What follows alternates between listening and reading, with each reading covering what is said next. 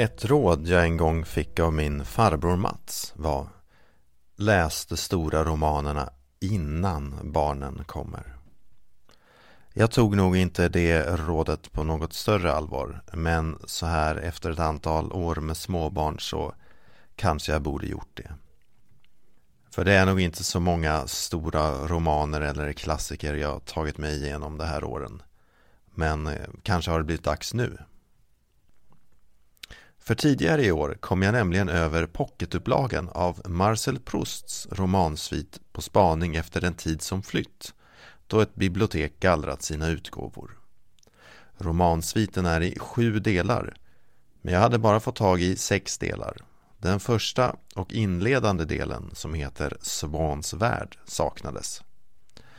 Jag valde att köpa ett begagnat exemplar då jag misstänkte att de fyra veckor som biblioteken lånar ut sina böcker på nog inte skulle räcka till.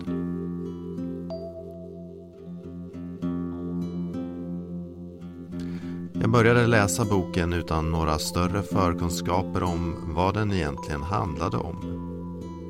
Och till en början verkar den handla om att bokens berättare inte riktigt kan sova.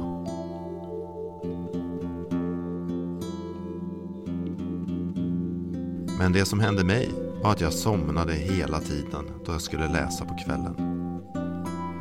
Och kanske var det inte så dumt att somna till lite under läsningen. För det är ju just i det tillståndet som romanen börjar i. Berättaren somnar till boken han just läste och den bokens handling blandar sig med hans egna drömmar. Men skulle jag ta mig vidare så behövdes nog dagsljus. När jag väl börjat läsa så upptäckte jag tecken på att det verkade vara flera som intresserade sig för Marcel Proust i år.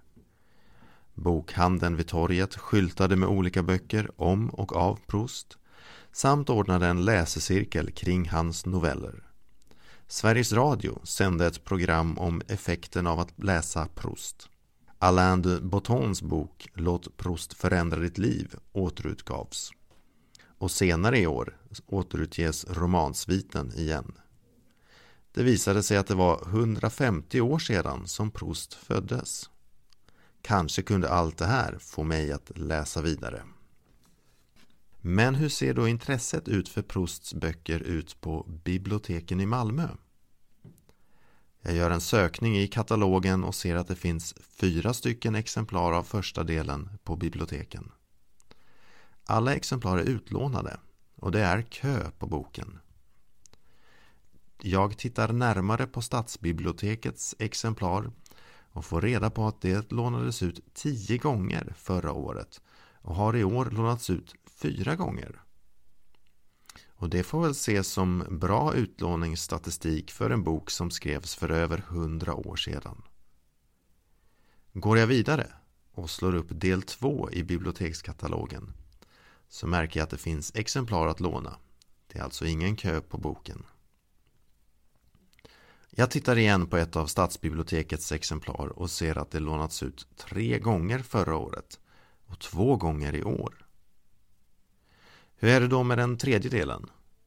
Det exemplar som stadsbiblioteket har förvaras i magasin och har lånats ut en gång i år och lånades inte alls ut förra året.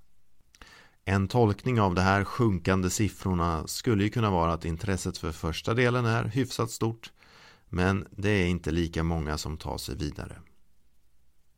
Men hur går det då för mig? Ja, jo, det går, men långsamt. Del 1 är utläst och jag är ungefär halvvägs in i del 2. Och eh, då jag inte visste särskilt mycket om handling i På spaning, förutom det där med kakan och teet, så kom det som en överraskning att musik var en så viktig del. Det finns nämligen ett musikstycke som återkommer i boken. En violinsonat som den fiktive kompositören Van Tuy skrivit.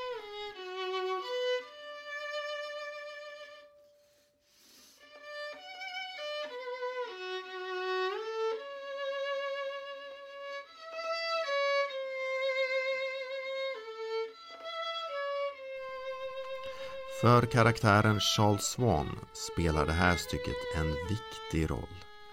Och särskilt en del av det som kallas den lilla frasen. Och när jag fick de här böckerna i min hand så tänkte jag ju på det där förmanande råd jag fått av min farbror. Sen kom jag att tänka på att han är ju violinist. Skulle det inte passa bra med lite musik här? Jag kontaktade min farbror som då upplyste mig om att det finns en hel del teorier kring det där musikstycket av Vinteuil.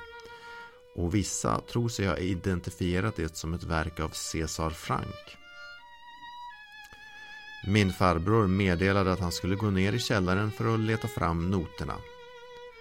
En stund senare får jag ett sms med ett utdrag ur violinsonaten som har spelats här i bakgrunden.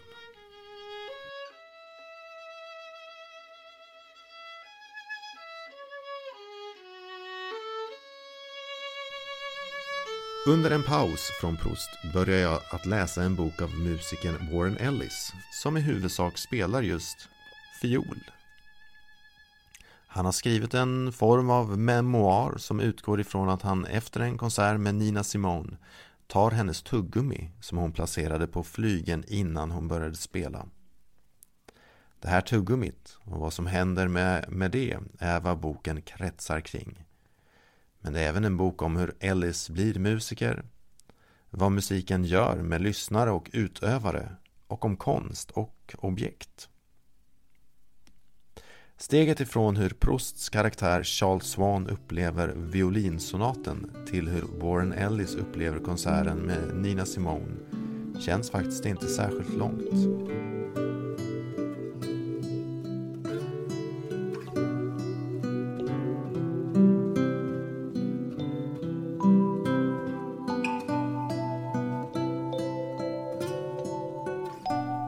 Ja, det har ju inte blivit någon sträckläsning av På spaning efter den tid som flytt för mig utan jag har läst lite andra böcker vid sidan av.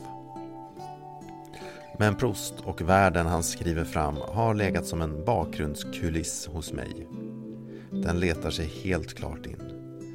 Och den öppnar sig även mot ett helt fält av litteratur och forskning kring Proust. Och jag förstår att det är lätt att vilja ta sin läsning vidare. Men det dröjer nog innan jag slår igen sista sidan i sjunde delen av Proust. Men det får ta den tid det tar.